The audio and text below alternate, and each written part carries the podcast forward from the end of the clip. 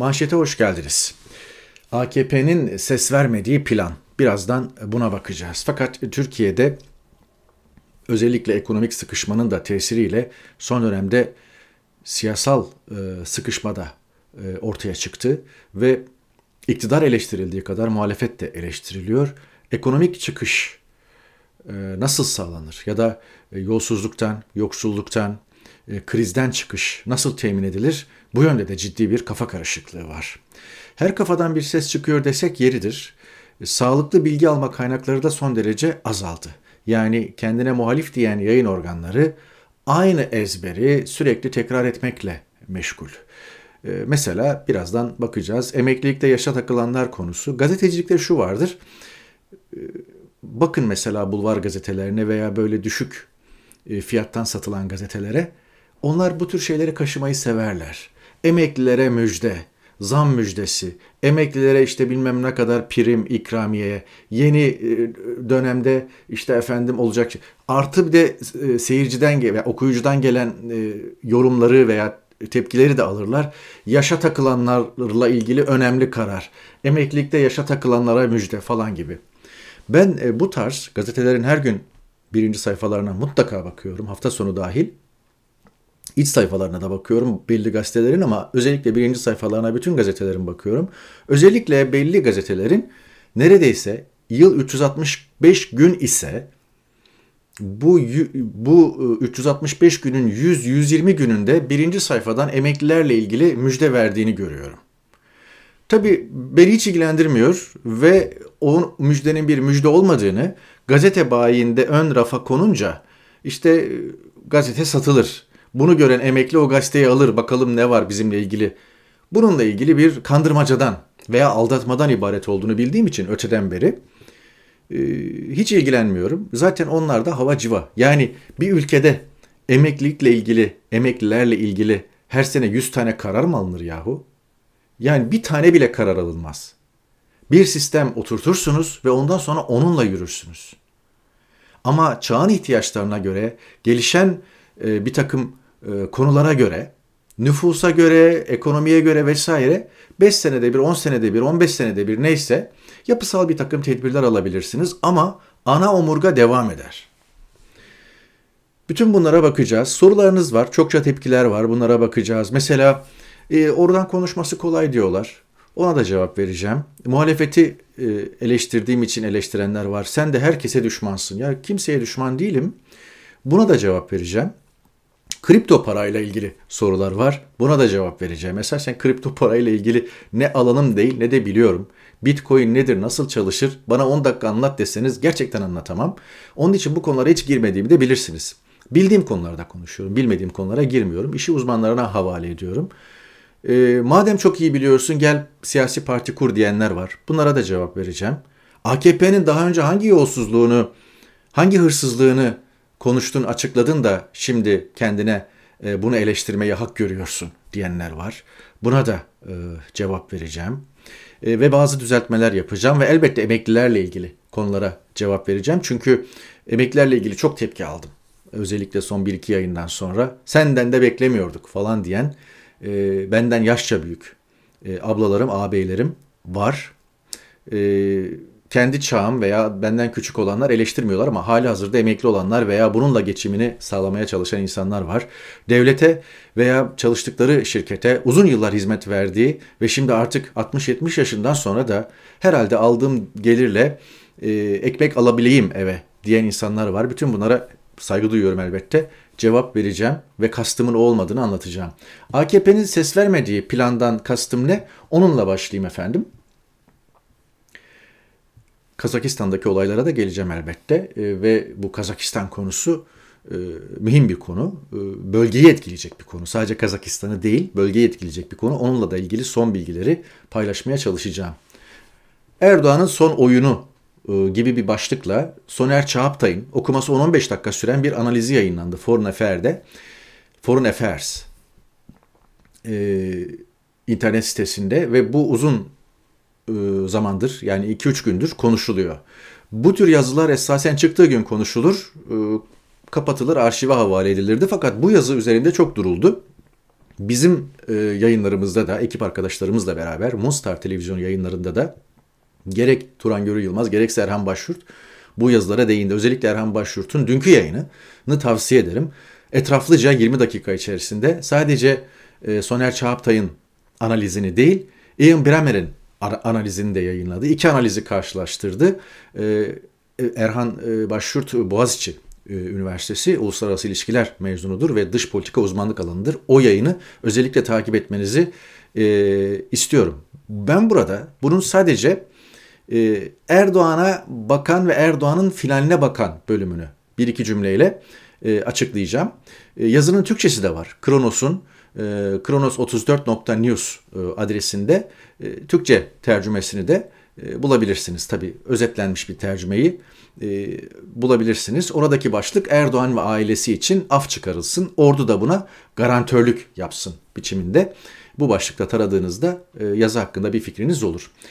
Bu yazıda Erdoğan'ın finali hakkında bir takım önerilerde bulunuluyor. Uzunca yani yazının uzunca bir bölümü Türkiye'nin 2012 ile 2013'lü yıllara gelene kadar, gelene kadar bir takım verileri çok iyiyken ya da iyi durumdayken 2013'ten sonra nasıl baş aşağı gittiği ve Erdoğan'ın sonunun nasıl olacağı, oyunun nasıl olacağı aynen başlıktaki gibi bu irdelenmeye analiz edilmiş. Şimdi yazıdan bağımsız olarak kendi fikirlerimi de etki, e, ekleyerek e, bu konuda analiz yapmaya çalışayım. Erdoğan gibi e, liderlerin otoriterlikten diktaya evrilme aşamasındaki kelimelerimi seçerek kullanıyorum. Bana göre Türkiye bir dikta değil. Otoriter bir devlet. Ve elbette rejim kendi yargısını, kendi muhalif düşüncesini, altını çizerek söylüyorum, kendi medyasını, kendi e, devlet organlarını, kurumlarını vesaire ve dış politik ilişkilerini dizayn ederek bugüne geldi. Bir günde olmadı. 8 günde de olmadı. 8 haftada, 8 ayda da olmadı. 8 senede, 9 senede oldu bu. Bir bu. İkincisi eğer Erdoğan gibi otoriter liderler devam etmeyeceklerse veya devamlılıklarını sağlayamıyorlarsa tıpkı Putin gibi, tıpkı Çin lideri gibi, tıpkı Kuzey Kore lideri gibi, tıpkı Mısır'ın başındaki darbeci Sisi gibi oyunun sonunda planlamaları gerekiyor. Oyunun sonunda e, lider için iki alternatif var. Hitler örneğinde olduğu gibi intihar etmeyi seçebiliyor ya da e, bir anlaşma yapabiliyor. E, Afrika'da kimi diktatörlerin yaptığı gibi. İşte Soner Çağaptay'ın yaptığı analizde bu ikinci taraf e, vurgulanıyor. Diyor ki Erdoğan yolun sonuna geldiğinde bir anlaşma yapabilir. Erdoğan yargıya güvenmediği için ordu, askerler, generaller bu konuda garantörlük yapabilir ve Erdoğan kendisini kurtaracak bir anlaşma karşılığında sürgünü kabul ederek e, Türkiye yönetimini kendinden sonrakilere bırakabilir. Yani bir yumuşak geçiş bir anlamda kansız bir geçiş, olaysız, kargaşasız, savaşsız veya iç savaşsız bir geçiş sağlanabilir.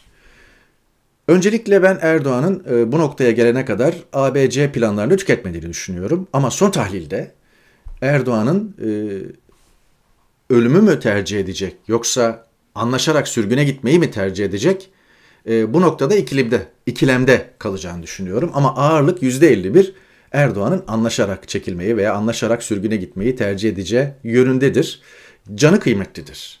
E, daha evvelki yayınlarda da bahsetmiştim. Ben Erdoğan'da bir ahiret ilan, inancı olduğunu zannetmiyorum. Ve hayatını sürdürmek, sağlıklı bir şekilde sürdürmek ve ömrünü uzatmak için elinden geleni yapıyor. Hatta hatırlarsınız ekranların gediklisi Profesör Doktor İbrahim Saraçoğlu isimli bir kimyager vardı. Bir, bir takım bitkilerle kirazın sapı, armudun çöpü neyse e, bir takım şeyler kendine göre formüller e, ileri süren e, ve bunun insan sağlığına iyi geldiğini savunan bir ilim adamıydı. Saraya aldı onu ve şu anda Erdoğan'a çalışıyor. Bunun gibi bir kadro var. Yani e, Erdoğan ömrünü uzatmaya çalışıyor. E, son tahlilde ölümü mü tercih eder yoksa anlaşmalı çekilmeyi mi tercih eder? Bu açıkçası e, final. Fakat finale doğru Türkiye'nin ben ve Erdoğan'ın alternatifleri tükettiğini düşünmüyorum. Yani A, B, C planları var. Bunun için Kazakistan'a bakmak gerekiyor. Bunun için Belarus'a bakmak gerekiyor. Bunun için başka benzer ülkelere bakmak gerekiyor. İçeride baskıyı artırmak, muhalifleri susturmak, muhalifleri e, tıkmak içeri, e, seçimi tamamen steril koşullarda yaparak e, seçim kazanmak biçiminde işte kendi meşruiyetini sağlamak, bir biçimde her türlü götürmek ve Türkiye'de olası bir ihtimal Kazakistan'da şu anda olduğu gibi tamamen her şeyi kapatmak, interneti kesmek falan tam bir kapalı dönem, tam bir kapalı devre, karanlık oda ve bu şekilde bir süre götürmeye çalışmak, o tünelde götürmeye çalışmak veya o tünelden geçirmeye çalışmak gibi alternatifleri e, mutlaka değerlendireceğini düşünüyorum. Son tahlilde her şey bitti. Artık yapamıyor. Kaybetti. Yani askeri seçenekleri tükendi, yargı ile ilgili seçenekleri tükendi, seçimle ilgili seçenekleri tükendi. Sıkıştı. Dünyada artık karşısında ve egemenler içeride ve dışarıda dediler ki artık masaya oturma vakti Orada baş, dedim ya kafasına mı sıkacak yoksa masaya oturacak bir anlaşma mı yapacak? Orada %51 Erdoğan'ın anlaşma yapacağını düşünürüm. AKP'nin ve özellikle muhalefetin bu plana hiç ses, ver, ses vermemesi de bu kadar konuşulmasına rağmen dikkat çekici. Onu da not düşüyorum. Onun için AKP'nin ses vermediği plan dedim. Biraz da e, detaylı anlattım. Burada Soner e, Çağaptay aynen şunu söylüyor. Muhalefet kendisi ve ailesi için af çıkarılması karşılığında onu kenara çekilmeye ikna edebilir. Bu da yumuşak bir iktidar geçişiyle sonuçlanabilir. Böyle büyük bir pazarlığa ulaşmak zor olacaktır. Anlattım nedenlerini. Soldaki birçok muhalefet grubu herhangi bir affı destekleme konusunda isteksiz olacaktır. Erdoğan da bu zeytin dalını almayı kabul etmeyebilir. Bir alternatif geleneksel olarak ülkenin en saygın kurumu kabul edilen Türk Silahlı Kuvvetleri'nin Erdoğan'la muhalefetin yapacağı anlaşmanın garantörü olarak hareket etmesini sağlamaktır. Türkiye'nin askeri müdahale geçmişi göz önüne alındığında generalleri siyasete davet etmek iyi bir fikir gibi görünmeyebilir ancak Türk ordusu ülkede subay kadrosunda görev yapan kadınlar da dahil olmak üzere Erdoğan yanlısı ve karşıtı Türklerin bir araya geldiği geriye kalan yegane kurumlardan biridir diyor. Yetki devrini Avrupa Birliği ve Amerika'da destekleyebilir diyor. Hulusi Akar sorusu geliyor herkesin aklına. Bana da yorumlarda gelen sorulardan biri bu. Hulusi Akar ne yapıyor? Hulusi Akar şu anda kendi PR'ına çalışıyor. Hemen her hafta özellikle Fatih Çekirge ve Tunca Bengin gibi isimler aracılığıyla bir Bosna gezisi şu bu falan tertip ederek tam sayfa bir yazı dizisi halinde Hürriyet'te, Milliyet'te ve diğerlerinde kendi propagandasını yapıyor. İktidara yakın, Erdoğan'a yakın gazetelerde bunu yapamıyor ama Demirören grubunda e, bir alan bulmuş belli ki. Fatih Çekirge falan gibi de kullanışlı isimler öteden beri bulmuş ve onlarla tam sayfa kendi propagandasını yapıyor. Dişe dokunur hiçbir bilgi olmadığı halde o günler süren yazı dizisinde e, hiçbir okuyanın yararlanacağı e, detay olmadığı halde bu şekilde PR'ını yaparak yürüyor. Bir alternatif olarak kendisini elbette Erdoğan sonrası için hazır tutuyor. Bunu da e, söylemiş olalım. Ömer Murat ki e, dış politika e, uzmanı e, Çağaptay'ın yazısına beklediğim gibi ne iktidar ne de muhalefet medyası ilginç bir şekilde ilgi göstermedi. Buradan bu yazıyla Batı'nın nabzının tutulmaya çalışıldığını anlıyoruz. Ama Erdoğan'ın kafasında muhalefetle öyle bir pazarlık yapma yok. Onun hedefi bence bambaşka demiş. Farklı hedefleri olduğunu biraz önce anlattım. Kılıçdaroğlu Erdoğan sokağa çıkmamızı istiyor. Zorlayacak, baskı kuracak ama çıkmayacağız demiş. İşte tam da bu noktada işte bu sokak meselesi gündeme geldiğinde e, sizi sonuna kadar kovalarız demişti ya Erdoğan. E, Kazakistan olaylarına e, bakmak icap ediyor. Kazakistan'da e, olaylar kontrolden çıkmış durumda. E, tek taraflı bir bilgilendirme var. E, bölgede e, bağımsız gazeteciler veya yabancı gazeteciler çalışmıyor, çalışamıyor, çalıştırılmıyor. İnternet vesaire kesildiği için bir gazetecinin merkeziyle irtibat kurabilmesi yegane internetle mümkün ancak ya da uydu telefonu falan gibi araçlarla mümkün. Bunlar da çok son derece pahalı veya o an için bulunamayabilir veya öngörülmemiş olabilir. Çok güç. Ama yine e, BBC başta olmak üzere ben pek çok yabancı medya kuruluşundan bunu takip etmeye çalışıyorum. Ama ağırlıklı olarak bilgiler e, Rusya, Moskova üzerinden e, çekedilerek geçiliyor. Onu da söyleyeyim. En son Cumhurbaşkanı Tokayev'in göstericiler için teröristler dediği ve orduya uyarıda bulun orduya uyarı, uyarıda bulunmadan ateş açma yetkisi verdiği haberleri düştü. Göstericilere teröristler demesi son derece normal ve tanıdık. E, bu tür liderler e, diktalarda, otoriter yönetimlerde kendisine biat etmeyen, sokağa çıkan, itiraz eden herkesi terörist, hain, işbirlikçi, dış güçlerin maşası vesaire ajan, provokatör olarak yaftalarlar. Bu Türkiye için de geçerli, pek çok ülke için de geçerli. 20 e, bin haydut Almatı'ya saldırdı diyor Tokayev. Bu kişilerden teslim olmayan herkesin imha edileceğini söylüyor. İmha. Bu kelimeyi kullanıyor evet. Putin e, bölgeye asker gönderdi ve e, tabii doğal olarak Kazakistan yönetiminin teşekkürünü aldı. E, öldürülenler var, tutuklananlar var ama tam sayı e, hakkında bir bilgimiz yok. Her iki taraftan da ölenler var. Yani devlet güçlerinden de e, ölenler var. Olay e, zam protestolarıyla başladı ama iş, iş başka bir e, kerteye geldi. Ülkeyi tam anlamıyla parsellemiş, aileyle, ailesiyle beraber yöneten ve zenginleşen 81 yaşındaki Nazarbayev ailesiyle birlikte yurt dışına çıktı. Muhtemelen Dubai'ye gitti. Söylentisi var. E, teyit edilirse elbette ileride bu da ortaya çıkacaktır. Oğlunu bırakmış geride belki de işleri toparlasın diye bilemiyoruz. Bu tür yönetimlerde böyledir. Devlet mühim bir zenginleşme aracıdır. Zalimlikle, gaddarlıkla bunu sağlarlar ve halkı soyarak yaparlar. Türkiye'de de bunu yaşıyoruz. E, tam anlamıyla çeteleşmiş, belli yerlere çökmüş devlet, e, devleti yöneten kişi ve onun ailesi söz konusudur. E, bir biçimde de halk maraba olarak kullanılır. Maalesef e, Kazakistan bunun çarpıcı örneklerinden biri. E, Rusya müdahale etmiş gözüküyor. Bir takım anayasal düzen sağlandı falan gibi laflar var ama bunların hepsi olayları, gösteri, gösterileri, eylemi ve dünyanın ilgisini bastırmaya dönük. Amerika gelişmeleri yakından izliyoruz demiş ama Amerika'nın biraz bence Biden yönetiminin kendi içine bakması lazım. Çünkü demokratlar bir sene içerisinde umulanı veremediler ve yaklaşan Temsilciler Meclisi ve Senato, Senato ara seçimlerini e, kaybetme e, riskiyle karşı karşıyayız ve Trump tekrar kafayı kaldırdı. Muhtemelen 2024 seçimlerinde Trump veya benzeri e, Amerika'da demokratlardan e, yönetimi devralacak. Beyaz Sarayı devralacak. Öyle görülüyor efendim. Kazakistan e, konusu e, böyle. Orada otoriter yönetimler demişken bu otoriter yönetimler nasıl ki kendilerine biat etmeyenleri veya itiraz edenleri terörize ediyorlar, terörist diyorlar, hain diyorlar, işbirlikçi diyorlar.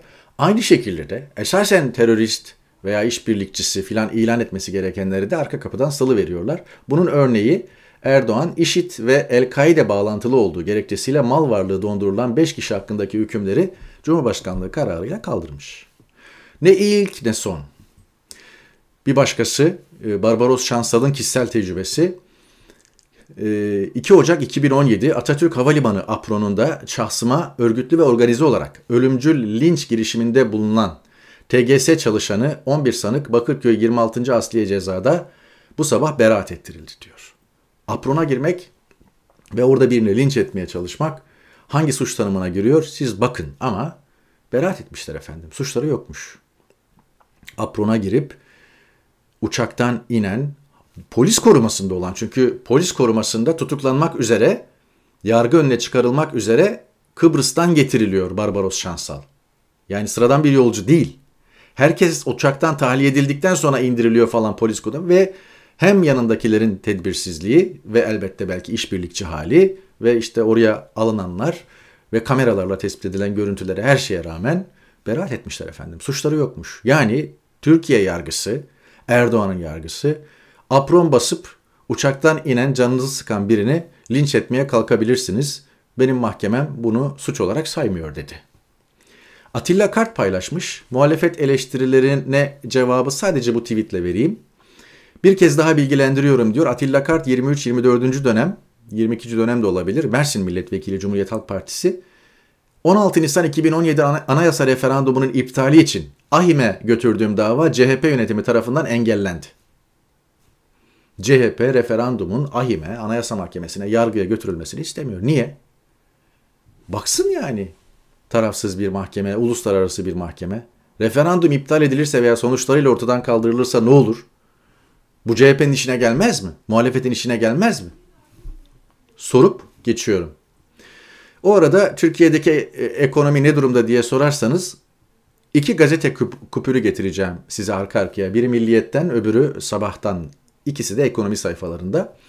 Biri Ayşegül Kahvecioğlu imzalı Milliyet'in iç sayfasında, ekonomi sayfasında yabancıya vatandaşlıkta TL kriteri kaldırıldı. 3 yıl bankada kalmak kaydıyla 500 bin dolar bastıran TC vatandaşı oluyor. Diğeri sabahtan Hazal Ateş imzalı Türk vatandaşlığına geçişe TL kriteri demiş. Burada da şu anlatılıyor. 500 bin dolar yatırdı ya kişi. O 500 bin dolar efendim TL'ye çevrilip Merkez Bankası'na aktarılıyormuş.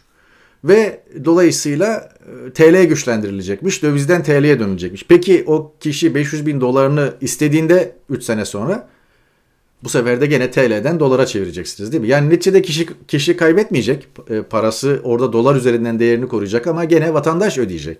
Fakat başlıklardaki çarpıklığa dikkatinizi çekerim. Sabahın başlığı TL kriteri, milliyetin başlığı TL kriteri kaldırıldı. Ya Propaganda Bakanlığı'na bu haberleri ihbar ediyorum. Yani siz nasıl bir enformasyon verdiniz ki, nasıl üflediniz ki iki gazetede iki farklı başlık atılıyor? İşinizi doğru düzgün yapın yani. Kocaman binada binlerce insan çalıştırıyorsunuz. Bakın millet nasıl soyuluyor. Bu biraz evvel söyledim ya örneklendireyim. Bu otoriter liderler gaddar, zalim, hukuksuz yöntemlerle devlete çöküp nasıl zenginleşiyorlar? Nasıl işin kolayını bulmuşlar ve bunu halkı soyarak yapıyorlar? İşletme devir hakkı süresi uzatılacak limanlar Antalya Limanı 2047'ye, Alanya Limanı 2049'a, Hopa Limanı 2046'ya, Galata Port 2062'ye. Bizler hayatta olmayacağız. Galata Port doğuşta Şahenk grubunda kalacak yani. İşte ne bileyim İskenderun Limanı Limak'ta kalacak 2061'e kadar. Ee, Albayrak grubunda kalacak Trabzon Limanı 2052'ye kadar. Yani bunlar gidecekler. Erdoğan ölür mü? Erdoğan sürgüne mi gider? Erdoğan birileriyle anlaşma mı yapar? Neyse kendini kurtarır mı? Ama siz bu liman sözleşmeleri uyarınca halk 2047'ye, 49'a, 2062'ye, 52'ye filan kadar listedeki e, limanları o beşli çete mi artık, onlu çete mi, 12'li çete mi onlar işletmeye devam edecekler. Kimi 19 yıl, kimi 13 yıl, kimi 10 yıl filan uzatılmış. O arada yılbaşı gecesi e, zam listesi ellerinizden öper. Şimdi şöyle de bir şey oldu. Asgari ücrete zam yapıldı. 4250 2825'ten 4250'ye çıkarıldı. Asgari ücret ne zaman ödenecek biliyor musunuz? Ocak hak, e, Ocak kazanılmış hakkı işte 31 Ocak'ta veya 1 Şubat'ta ödenecek. Yani zamlı asgari ücret neye göre hesaplandı? 2021 enflasyonuna göre hesaplandı. Gece yarısı yapılan şu zamlarla da o asgari ücret zammı otomatikman enflasyona göre yapılan asgari ücret zammı otomatikman tekrar milletin cebinden alındı. Ve hala zamlı asgari ücreti insanlar çekebilmiş değiller. Ne zaman çekecekler? 1 Şubat'ta çekecekler. O arada işte araç muayenesinden benzine, doğalgaza, emlak vergisine, verasete, köprü geçişlerine, şuna buna zam. Özellikle alkollü e, içki ve e, sigarada %47 zam. Kemal Kılıçdaroğlu bu torpil işinin peşini bırakmayacağımı söylemiştim. KPSS'de yüksek puan alıp sözlüde elenen gençlerimizi bizden hukuksal destek almak üzere bu siteye başvurmaya davet ediyorum. torpileson.com Evet güzel hareketler bunlar. Muhalefet hep söylüyorum ne yapacağını nerede ne yapacağını çok iyi biliyor ama yapmıyor. Evet. Dediğim gibi Merkez Bankası'na TÜİK'e gittiğiniz gibi bütün kurumlara sırayla gidebilirsiniz. Bunu neden yaptın diye hesap sorabilirsiniz. Diyanet, Rütük, Anayasa Mahkemesi, HSK, TRT, Anadolu Ajansı. Mehmet Aslan paylaşmış. İstanbul'da İyi Parti'de siyaset yapıyor Mehmet Aslan. İstanbul'da farklı bankaların 8 tane şube müdürüyle konuştum ve sordum. Dövize endeksli TL mevduat hesabına yönelim ilgi nasıl? Ne kadar diye. Cevap sıfıra yakın, yok denilecek kadar az. Tek tük. Böyle demişler efendim.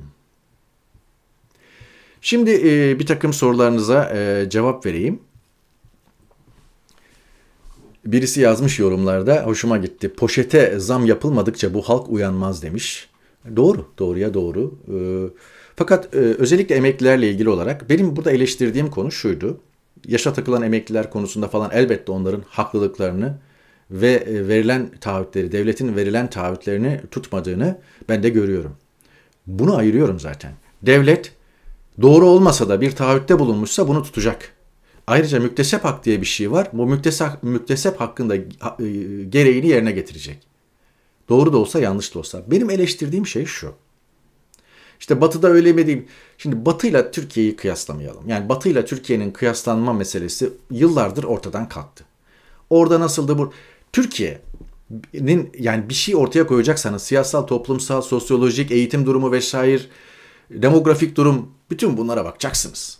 Yani Finlandiya toplumu yok Türkiye'de. Toplum olarak söylüyorum, halk olarak söylüyorum. Ne eğitim seviyesi, ne bilgi kültür, ne işte dağılım vesaire, refah seviyesi pek çok şey.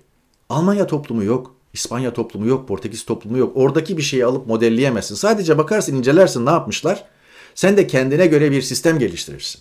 Bir kere bu. Hemen her alanda da bu böyle olmalı. Hukuktan diğer pek çok uygulamaya kadar. İki. Yani İngiliz İngiltere'deki emeklilik sistemini alıp Türkiye'ye uygulayalım. Böyle bir şey olmaz. Bana gelen eleştiriler de var. Yani kadınlar şu anda iş göremez halde ve ne yapacaklar? Bir meslekleri yok, bir eğitimleri yok ve eşi vefat etmişse onun emeklilik maaşıyla geçinmek zorunda. Ne yapsınlar diyor. Evet ne yapsınlar? Ayrıca müktesep hak. Devlet bu hakkı vermiş, vaat etmiş. Elbette o ölene kadar eşinin emekli maaşını veya eşinden kalan maaşı alacak. Buna kimsenin bir itirazı yok. Fakat benim bahsettiğim sistemin kurgulanması, bir örnek verip bu konuyu bitirmek istiyorum. 1991 yılında erken yaşta emeklilik diye bir şey getirdi. Ve bu seçim vaatleri içinde de vardı, yaptı. Süleyman Demirel Doğru Yol Partisi'nin genel başkanı, başbakan oldu o zaman. Ve 91 yılında benim ilk oy kullandığım seçimlerdir 91 seçimleri. Çok iyi takip ettim, çok iyi bilirim. Partileri, seçim müziklerine kadar ve o günkü dengeleri vesaire, seçim sistemi hepsini tek tek analiz edebilirim. 1991 yılında 38 yaşında insanlar emekli oldular. Ve bu insanların ödedikleri prim süresi veya çalışma süresi maksimum 20 yıldı. 1991 yılında emekli olan 38 yaşındaki vatandaş şu anda 68 yaşında. Allah uzun ömür versin mühim bir bölümü yaşıyor yani şu anda çünkü Türkiye'deki yaş ortalaması daha yüksek. Benim itirazım buna. 38 yaşında insanların emekli olmasına ya da genç yaşta, çalışabilir yaşta 40, 45 yaşında, 48 yaşında, 50 yaşında emekli olmasına. 2. 20 yıl prim ödemiş veya çalışmış, kaldı ki ödediği prim kendisine ödenecek emekli maaşını karşılayacak düzeyde zaten değil. 20 yıl emek e, çalışmış, prim ödemiş, 20 yılda 25 yılda emekli olan öğretmenler var. Benim babam 25 yıl öğretmenlik yaptıktan sonra emekli oldu. 44 yaşında. Vefat ettiğinde 80 yaşındaydı. 44 yaşında emekli olan benim babam 36 yıl boyunca devletten emekli maaşı aldı. Ama devlete hizmeti 25 seneydi. Benim babam olduğu halde yüzüne karşı söylüyordum. Burada bir yanlışlık var diyordu. Ama verilmiş hak elbette alacak aldı da. Babamın emekli maaşını annem alıyor şimdi. O da vefat edene kadar alacak. Buna bir itirazım yok. Benim itirazım bu sistemin düzenlenmesine ve düzeltilmesine. Hak kayıplarını elbette önleyerek. Bunun iyi anlaşıldığını, anlaşılabileceğini zannediyorum. 20 yıllık, 25 yıllık, 28 yıllık çalışmayla insanlara bila kaydı hayat işte şart neyse e, emekli maaşı verir, e, vermeye kalkarsanız sistem de çöker, devlet de çöker. Çalışanlar ödüyor o emeklerin maaşını. Çalışanlar, çalışanlardan kesen primler havuzda birikerek o emeklerin maaşını ödüyor. Haliyle sürdürülemiyor. Bu iktidar kaç kere emeklilik sistemini düzenledi ve her defasında yapboza döndü olay. Ve şu anda emekli maaşlarının geldiği seviye 2500. Asgari ücretin %60'ı falan seviyesinde. Yani nasıl asgari ücret olmaz falan deniyor. İşte bundan dolayı olmuyor. Bir süre sonra sürdürülemiyor durum. Siz bunu düzeltmeye başlarsanız şimdiden 20-25 sene içinde, 30 sene içerisinde elbette olanları temizleyerek, sistemi güçlendirerek, sağlıklı bir emeklilik sistemi filan yapısı kurarak ondan sonrasında devleti, ekonomiyi, işte çalışanların refahını, şunu bunu neyse ücretleri belli bir seviyede tutabilirsiniz. Benim kastettiğim bu değil. Emeklilikte yaşa takılanlar değil, müktesep hakların geri alınması değil vesaire. Kadınlar ne yapacak? Türkiye'nin en önemli problemi mesleksizlik. Buna gençler de dahil, erkek kadın herkes dahil. Mesleksizlik bir mesleği yok toplumun genel olarak. Bu durumu çözeceksiniz. Yani durum bununla, eğitimle, üretimle hepsiyle ilgili. İş bulacaksınız insanlara. Bunun için de iş sahalarının açılması gerekiyor. Hepsi birlikte paralel ve bu bir kalkınma modeli. AKP'nin adında olan ama şu anda Türkiye'de olmayan. Ve bu 20-30 yıllık, 40 yıllık uzun vadeli bir plan. Bunu bugünden yapmaya başlarsanız 20-30 yıl sonrasına daha iyimser bakabilirsiniz. Kastettiğim bu. Kazanılmış hakların insanların ellerinden alınması değil elbette. Umarım anlaşılmıştır. Bir yayın daha kapatıyoruz. Herkese iyi hafta sonları bir başka manşette buluşmak umuduyla efendim. Hoşçakalın.